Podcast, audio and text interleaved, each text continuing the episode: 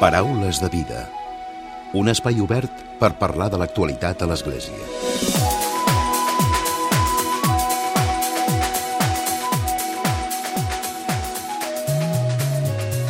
Què tal? Salutacions i molt bon dia, molt bon diumenge. Avui volem centrar la nostra mirada, la nostra atenció, en els refugiats. I és que el papa Francesc ha confiat recentment en la comunitat de Santa Gidi una casa per acollir refugiats que arriben a Itàlia provinents dels corredors humanitaris.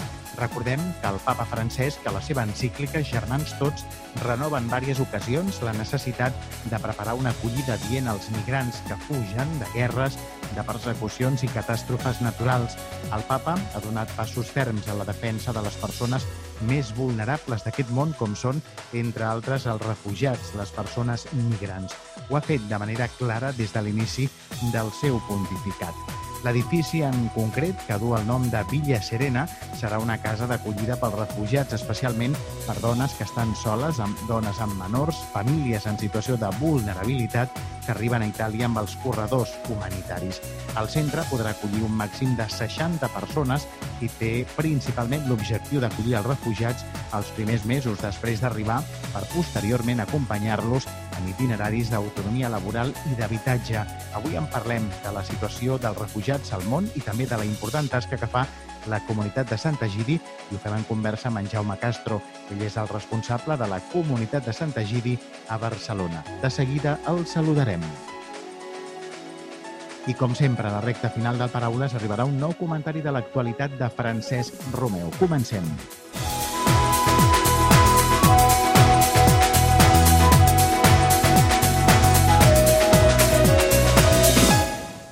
Paraules de vida amb Emili Pacheco. Jaume, bon dia i benvingut al Paraules de Vida. Bon dia. Jaume, avui parlem amb tu, parlem de la comunitat de Sant Egidi, parlem de la feina, de la important tasca que feu amb els refugiats. De fet, eh, hi ha vegades que a través dels mitjans de comunicació, de manera puntual, eh, es comença a parlar molt dels refugiats, però aquest és un drama que ja fa anys que dura i que hi ha moments en què s'accentua, però que sempre, sempre, sempre estan patint, no? I aquestes persones que han de fugir del seu país. Uh, sí, és una realitat del nostre temps uh, i que toca al nostre país uh, i que justament en aquest temps de, de pandèmia doncs encara pateixen més. O sigui, els refugiats que estan uh, aquí a casa nostra, que han arribat de maneres il·legals perquè es troben en una situació d'indefensió, ho veiem en els menjadors i en els serveis eh, de la comunitat de Santa Gidi aquí a, a Barcelona. Però, eh, com molt bé dius, és una situació que també s'ha greujat per tots aquells que esperen a les fronteres d'Europa. Uh -huh. De fet, la comunitat de Sant Egidi sempre ha apostat en aquest cas pels corredors no? humanitaris. Sí, sempre hem apostat eh, per una via legal i segura per poder entrar a, Roma ens va colpir molt eh, l'any eh, 2013 quan el papa francès des de Lampedusa va fer aquella crida contra la globalització de la indiferència i la situació de refugiats. I des de llavors ens vam posar eh, en funcionament, que va començar el 2015, eh, aquest model que s'ha anat ampliant i que ha portat ja a més de 3.000 refugiats a Europa dels corredors humanitaris. De fet, és una manera, com dius, legal i ordenada, no? de que arribin aquests immigrants, de que aquests, i aquests refugiats es puguin moure no? de manera més segura. Sí, perquè evidentment sabem que fins ara els eh, refugiats tenen que pagar un preu molt alt per arribar a Europa. Moltes vegades la mort en el Mediterrani, en el, el desert. Eh, D'altres vegades l'extorsió de moltes màfies. Eh, no podem oblidar la situació dels camps, eh, podríem dir, de concentració que hi ha a Líbia per refugiats eh, esperant arribar a Europa o la situació dramàtica que viuen també els refugiats als camps de, de Lesbos, a les illes gregues. Aquesta situació pensem que es pot estalviar fent créixer aquesta fórmula legal i segura dels corredors humanitaris. Uh -huh. Parlem també de, de la sessió que va fer el papa, crec que va ser el, el mes de setembre, d'una casa, en aquest cas a Itàlia, oi, a Roma, per acollir precisament aquestes persones, no? i va fer la sessió directament a la comunitat de Sant Egidi perquè la comunitat sigui qui, qui en gestioni la, el seu ús. Sí, el, el papa francès, eh, com dèiem abans, ha mostrat una sensibilitat eh, molt particular pels refugiats. Eh, a l'última encíclica, la Fratelli Tutti, eh, ho esmena en moltes ocasions. I d'aquesta sensibilitat va néixer que l'any 2016, en el, en el viatge que va fer a la illa de Lesbos, portés al Vaticà eh, 40 refugiats eh, que van ser eh, acollits per, eh, per la comunitat de Santa Gidi, que estan actualment doncs, a Itàlia. I en aquest camí, diguéssim, i preocupació d'acollida, doncs, el papa darrerament doncs, ha fet aquest gest, diguéssim, de donar, de demanar la gestió d'aquest espai a la comunitat de Santa Gidi i dedicar-lo exclusivament a l'acollida dels refugiats. Acollida i després la comunitat de Sant Egidi el que fa també és assessorar-los no? de quin és l'itinerari que un cop surtin d'aquest eh, refugi puguin tenir una vida digna. Sí, perquè el, en, els corredors humanitaris és fonamental l'acollida i la integració. I la millor manera per integrar és que ho fem doncs, les, les comunitats. Quan parlo de comunitats estic parlant doncs, de la comunitat de Santa Gidi, estic parlant d'una parròquia, estic parlant d'una comunitat religiosa, que des del primer moment que arriben aquestes persones són capaces doncs, d'integrar-les en el seu teixit, eh, diguéssim, comunitari, humà, social, doncs, ajudant-los a trobar un treball, facilitant-los que aprenguin la llengua des del primer moment i portant els infants a l'escola, o sigui, donant totes aquelles possibilitats des del primer moment que fan possible una verdadera integració. Per tant, els refugiats arriben, però estan un determinats, uns determinats dies, no? eh, uns determinats... Sí, quan arriben els refugiats, o sigui, eh, eh, immediatament, com deia, es poden integrar, diguéssim, en, en les diferents realitats i eh, la nostra experiència és que en uns eh, dos anys eh, on la comunitat de Santa Gidi assumeix la responsabilitat d'integració amb les despeses, etc etc, pràcticament eh, aconsegueixen amb un 80% doncs, eh, independitzar-se. Mm, perquè, eh, això s'ha de dir, els corredors humanitaris tenen aquesta característica, que són eh, d'esponsorització privada, en el sentit de que no li costen a l'Estat més que els eh, normals, diguéssim, serveis que ofereix doncs, universalment, com són l'escola i la salut. I molta gent que hi ha al darrere, no? per tant, de la comunitat de Sant Egidi per fer realitat aquesta acció. Evidentment, evidentment, eh, a Itàlia i a França, que és on han arribat la majoria d'aquests eh, 3.000, la major part a Itàlia, eh, refugiats, darrere hi ha doncs, moltes associacions, parròquies, comunitats religioses, eh, l'Església Evangèlica, també italiana, que sostenen aquestes persones.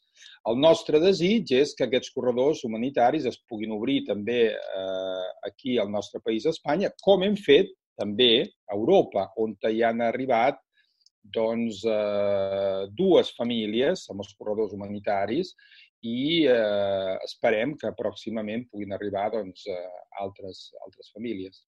Com és la situació aquí a Espanya, Jaume, amb l'arribada dels refugiats? Com tracta Espanya els refugiats? Bé, en aquests moments ens trobem doncs, eh, amb una amb un retorn de, de, de l'arribada de, de bastants refugiats, sobretot a les Illes Canàries. També hem vist darrerament l'entrada fins i tot a, la illa, a les Illes Balears d'un bon grup de, de refugiats. Però eh, s'ha de dir, en primer lloc, que no estem ni molt menys davant d'una invasió. Mm? Estem davant d'una situació podríem dir, de, de, de, de gent que escapa com ho fan des de fa anys doncs, de la pobresa i de molts conflictes.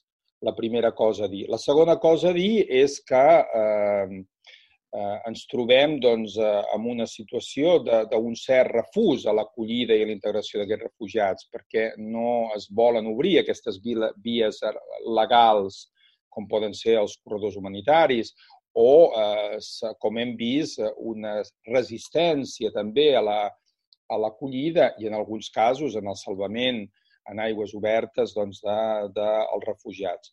Nosaltres creiem que eh, cal invertir molt més en eh, l'acollida i en la integració dels refugiats. Eh, concretament, voldria fer esment amb dos eh, particularitats. La primera és que en aquest temps de confinament, doncs, eh, moltes d'aquestes persones eh, refugiades, eh, d'altres que ja fa temps doncs, que estan aquí a casa nostra, però que viuen, eh, diguéssim, en una situació irregular perquè no tenen documents, doncs eh, pateixen encara més doncs, eh, aquesta situació de, de confinament. La comunitat de Santa Gidi ha demanat eh, justament en aquest temps la, que s'aprofités per regularitzar totes les persones que havien arribat a Espanya abans de la, de, de, de l'arribada de, de, de l'estat d'alarma. No? Mm, per què? Estem parlant d'unes 600.000 persones, de les quals eh, més de 200.000 són eh, cuidadors eh, d'ancians, la, són persones cuidadores eh, que sostenen la, la, la vida dels nostres ancians i que es troben en una situació eh, irregular ens sembla que ara era una, és una oportunitat encara per poder-los eh, regularitzar. Per altra banda, vull subratllar també la difícil situació que es troben moltes famílies eh, d'immigrants que, com a conseqüència de la pèrdua del treball, per la seva situació d'inestabilitat, doncs s'han trobat eh, en una situació de gran vulnerabilitat en aquests dies. Ho veiem als menjadors de la comunitat de Santa Gidi i en tants, tants dels nostres serveis. Uh -huh. De fet, ara ho deies, no? insisties en el fet de que per, pels estats eh, no és un cost afegit el fet de que hi hagin corredors humanitaris en, en el moment en què es posa via legal aquesta situació, que fan moltes entitats com vosaltres la, la feina, per tant, per l'Estat és simplement eh, fer el gest, no? Uh, sí, uh, certament. Uh, aquesta és una via que fi, els nous uh, acords que s'estan obrint a la Comissió Europea obre d'una manera molt més clara a Europa, que és l'esponsorització privada, diguéssim, a l'hora doncs, de poder acollir els, els, els immigrants, els refugiats eh, evidentment, amb els corredors humanitaris, el cost que li suposa a l'Estat l'arribada d'aquestes persones, l'acollida, és eh, zero. Mm?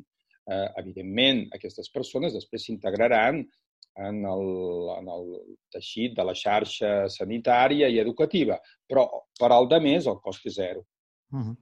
Parlem, Jaume, també d'una situació complicada que es va viure també fa, fa poques setmanes, no? quan també ens sorprenia l'incendi al, al camp de refugiats de Mòria. No? També fèieu una crida vosaltres no? a la situació que s'estava vivint dramàtica allà. Sí, la situació eh, al camp de Mòria, a Lesbos, eh, des de fa molt temps és una situació crítica. Aquest estiu, eh, més de 300 voluntaris de la comunitat de Santa Gidi, 10 d'aquí de, de Barcelona, van estar eh, al camp de, de Mòria, Lesbos, una mica eh, ajudant, eh, fent un menjador, donant classes eh, d'idioma, acollint els infants, i vam veure de primera mà la situació d'aquell camp. La situació d'un camp que veritablement, on es vivia d'una manera veritablement inhumana. L'incendi del Camp de Mòria va empitjorar encara la situació i ara tornem a estar en una situació de bloqueig, com s'estava abans, on la gent malviu. Sobretot malviu sense cap futur, perquè eh, no hi ha, no s'han posat en funcionament els mecanismes per eh, poder reubicar totes aquestes persones que eh, estem parlant de 15.000 persones, no estem parlant d'un nombre excessivament elevat, es podrien acollir amb moltíssima facilitat als diferents països europeus. La nostra crida va en aquest sentit i, evidentment, a la d'humanitzar la situació en què es troben en aquests moments els eh, refugiats en aquest camp. Ens hem insensibilitzat, Jaume, la societat en general, quan parlem dels refugiats, quan parlem dels immigrants, aquelles persones que fugen de, del seu país perquè no tenen, perquè busquen una vida digna, perquè no tenen un futur allà? Molt possiblement, en aquest temps de pandèmia ens estem concentrant massa eh, amb els nostres mals, amb la, els nostres sofriments, que hi són, veritablement, però n'hem d'oblidar que en el món continuen les mig fosques de les víctimes de la guerra, dels refugiats, de la gent que viu a la intempèrie, i eh, certament eh, penso que eh, per tornar a, a, a aquella sensibilització, si es pot dir d'aquesta manera, amb la que vivíem i que penso que ens, eh, ens molt típica una mica de la nostra societat, penso que hem de tornar a aixecar el cap i hem de mirar el món i hem de veure el que passa al voltant nostre.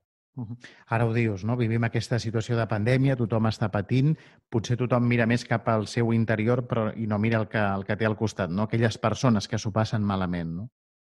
Sí, és un temps eh, molt complicat, eh, és un temps eh, on certament eh, circula i molts que no ho havien vist, han vist el dolor, han vist la malaltia, han vist la mort al seu costat, i, i tots en tenim l'experiència, però, com deia, eh, hem d'aixecar el cap i hem de donar-nos compte que eh, hi ha tantíssima gent que no només ara, sinó que en el passat i ho continua fent, està patint doncs, per conseqüència de tants conflictes oberts eh, en el món. Pensem, només per citar-ne un, no només els més de vuit anys de guerra a Síria, sinó eh, el conflicte del Nagorno-Karabakh, que s'ha reobert i que esperem que, que, que aquest alto el foc d'ahir doncs, eh, es pugui sostenir, o el Mozambic, que, que al nord del Mozambic, un país que estava en pau, ha vist com en els darrers mesos, una mica també per aquesta eh, retirada de, diguéssim, del món occidental, ha vist doncs, com eh, s'està obrint una guerra com a conseqüència del terrorisme islàmic uh -huh. tantes situacions al món que, que no podem oblidar. Important, importantíssim, Jaume, com deies també a l'inici de, de l'entrevista, el fet de que el papa francès ja des de l'inici del seu pontificat ha marcat molt bé les línies, no? les línies que ell diu que no s'han de traspassar, no? quan fa referència a les persones vulnerables, als refugiats, als immigrants, aquelles persones que, doncs això, que ho pateixen i que els cristians i en general la comunitat internacional no pot mirar cap a una altra banda. No? Sí, em sembla molt important. El papa francès ha insistit molt en contrarrestar aquesta globalització de la indiferència i em sembla molt significatiu que la seva eh, visió del món, que avui reproposa amb una fraternitat universal, parteix de veure eh, sempre la realitat dels més pobres. Recomençar sempre pels més pobres, pels refugiats, per les víctimes de la guerra, per als ancians que han estat descartats en aquesta pandèmia, és una oportunitat per trobar sempre un criteri de veritat i per, eh, a partir de la commoció, trobar respostes intel·ligents a, a la situació que vivim per viure d'una manera més digna i més humana. Ara que parlem de vida digna, de, de vida més humana, s'acosta el Nadal. Serà un Nadal molt diferent, Jaume, perquè tenim aquesta pandèmia. De fet, les normes sanitàries van canviar, les restriccions van canviant setmana rere setmana, però vosaltres, a dia d'avui, mm, manteniu aquest dinar tradicional, dinar que feu per moltes persones que ho necessiten, no? I el dia de Nadal a Barcelona. Serà un dinar de Nadal de família com es, fa, com es farà aquest Nadal a totes les cases. Com serà? No ho sabem. Ens tindrem que adaptar a la situació que viurem. Però el que sí que podem dir és que hi ha molts dels nostres amics eh, pobres que ja ens demanen eh, fareu el dinar de Nadal i això em sembla que el que mostra eh, evidentment que hi ha gana, hi ha dificultat, eh, hi ha tantes situacions difícils, però mostra sobretot que hi ha una gran necessitat de família, hi ha una gran necessitat doncs, de reconstruir aquest teixit humà doncs, que també la pandèmia d'alguna manera d'alguna manera doncs, està doncs, trencant i fragmentant. Un dinar que va començar fa molts anys de manera molt modesta, amb molt poqueta gent i que ja s'ha convertit en, doncs això, en un gran dinar amb moltíssima gent, oi?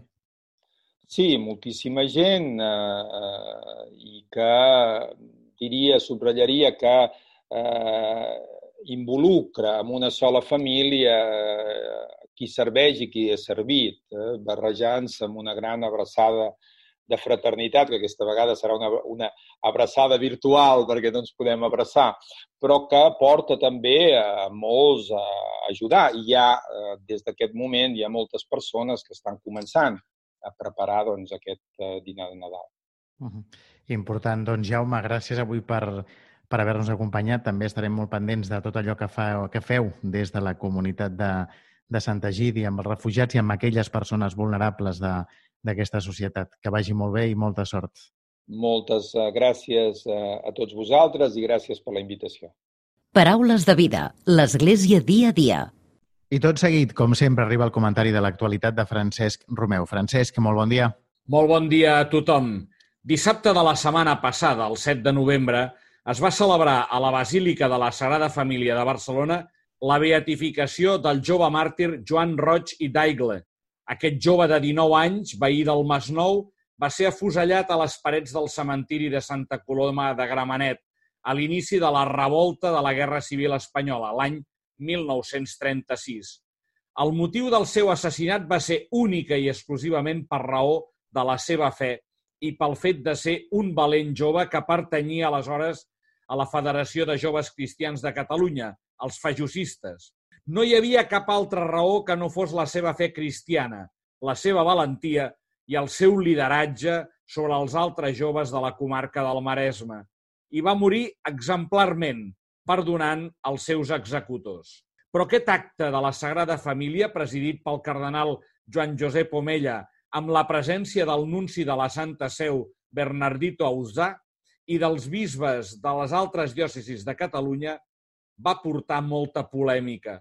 No pas per posar en dubte l'honorabilitat del nou beat màrtir, ni tampoc perquè l'acte no es pogués fer seguint les normes actuals de l'aforament de les esglésies, ara en un 30% de la seva capacitat, i mantenint totes les pràctiques sanitàries. Però en un moment en el qual se'ns demana de reduir al màxim les nostres relacions socials, suprimint actes, mantenint un toc de queda a les nits i observant una limitació de mobilitat perimetral estrictament limitada als propis municipis durant tot el cap de setmana. I mentre es mantenen tancats els bars, els restaurants, els cinemes, els teatres i totes les actuacions musicals, no s'ha interpretat que aquest acte fos massa oportú de fer, sobretot si podia ser ajornat en el temps, tal com s'ha fet amb les beatificacions dels també màrtirs caputxins de Manresa, que s'havia programat de fer-la justament ahir, dissabte 14 de novembre, i que es farà més endavant o quan es pugui fer amb més garanties. Val a dir que aquesta polèmica ha deteriorat molt la imatge de la nostra Església a Catalunya, L'Església, per poder fer la seva missió, necessita molt de la simpatia de la resta de la societat i no aconsegueix res mostrant-se en confrontació o mostrant la seva superioritat, perquè la llei de llibertat de culte li dona més empara per fer el que vulgui per sobre de les altres entitats culturals, cíviques o dels negocis de restauració. Això no ho podem fer. Hem de fer les misses normals, però hem de suprimir totes les activitats extraordinàries, com fem amb moltes reunions i amb totes les catequesis infantils i juvenils i amb els centres d'educació en el lleure, els esplais. Nosaltres hem d'anar colze a colze amb totes les entitats culturals, perquè l'Església també busca tenir una penetració en el món de la cultura i dins de la societat catalana. I no en pot quedar exclosa ni per superioritat ni per inferioritat hem de ser iguals entre iguals, com proclama el papa Francesc en la seva darrera encíclica Fratelli Tutti, germans tots. Amb aquesta voluntat, l'arcabisbat de Barcelona dilluns passat va fer pública una nota en la que demanava disculpes a aquelles persones que s'hagin sentit ferides mentre patint restriccions en la nostra vida laboral i familiar. Però també manifestava el seu desconcert per la resposta d'algunes autoritats a la celebració d'una missa que complia tots els requisits legals i condicions sanitàries.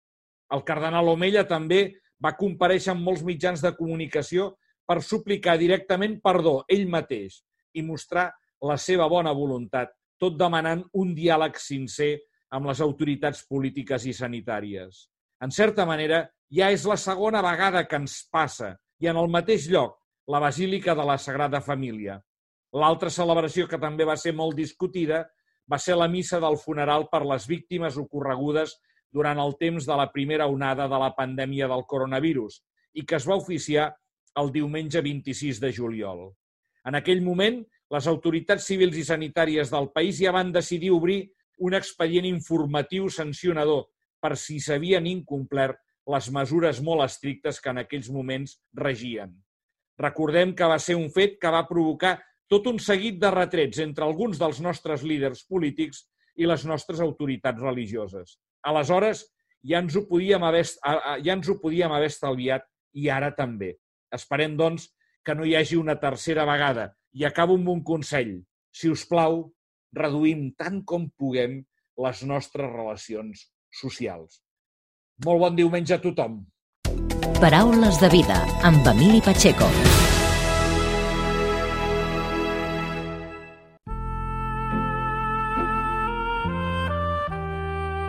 Us oferim la carta dominical de l'arcabisbe de Barcelona, Joan Josep Omella.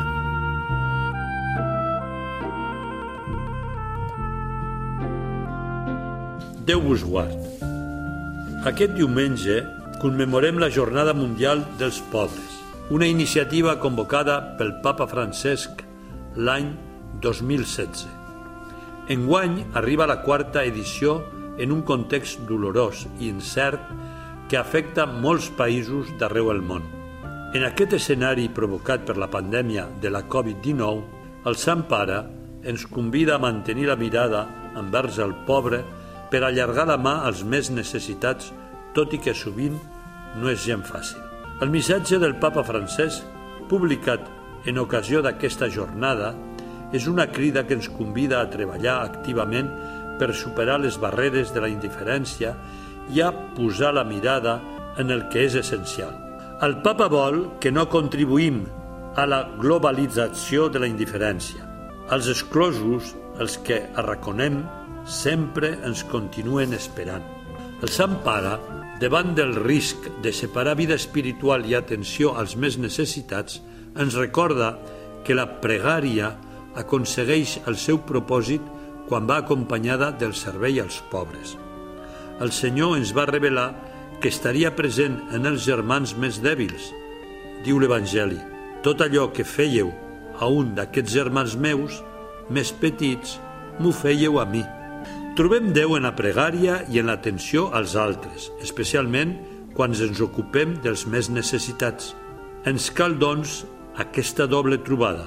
És precisament això el que feia el fill de Déu mentre va ser aquí a la terra amb nosaltres com un home més, Pregava en tot moment i es feia trobadís amb la gent, especialment amb els pobres, tant materials com espirituals. Adonem-nos, doncs, sense perdre la pau ni l'alegria de la nostra feblesa humana i espiritual i sortim a l'encontre d'aquells que el món més té. Malalts, ancians desemparats, pobres, presos i tots aquells a qui la societat gira l'esquena per les seves accions. El títol del missatge del papa Francesc, Allarga la mà als pobres, s'inspira en unes sàvies paraules recollides en un dels llibres de l'Antic Testament titulat El Siràcida. La saviesa del pobre d'Israel ja reconeixia llavors que no es podia destriar la pregària a Déu de la solidaritat amb els pobres i amb els que més sofreixen. El papa ens exhorta a reflexionar i a tenir un esperit misericordiós i fratern que ens faci compartir la riquesa amb els més necessitats. Diu el papa, no s'improvisen els instruments de misericòrdia. Cal un entrenament quotidià que procedeixi de la consciència de com necessitem nosaltres els primers una mà estesa cap a nosaltres. Germans i germanes, aquest diumenge celebrem una jornada que ens vol recordar que els pobres no són només membres que formen part de la comunitat cristiana, sinó que són els germans que han d'ocupar el centre de la nostra església. Tant de bo que puguem acompanyar la pregària al Senyor amb la solidaritat als més vulnerables. Allarguem-los la mà sempre amb un somriure. us hem ofert la carta dominical de l'arcabisbe de Barcelona, Joan Josep Omella.